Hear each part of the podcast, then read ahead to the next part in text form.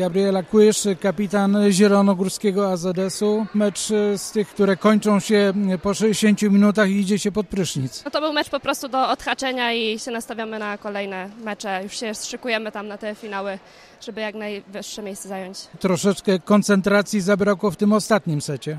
Trener wpuścił młode dziewczyny na boisko, próbowałyśmy różnych nowych rzeczy, więc nie zwalajmy na to, że brak koncentracji było, tylko próbowałyśmy coś nowego zagrać. Jakub Czarnecki, szkoleniowiec zielonogórskiego AZS-u UZ.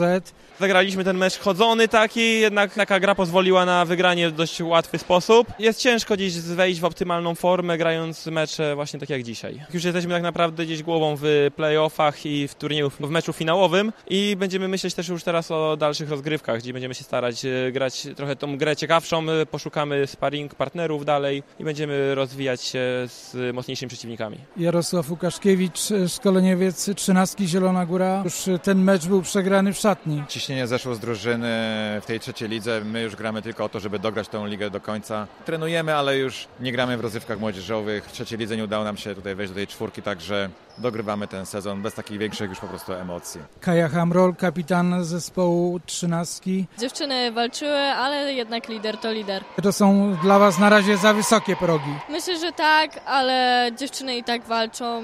Myślę, że każda chciała to wygrać. Młody zespół, uczymy się.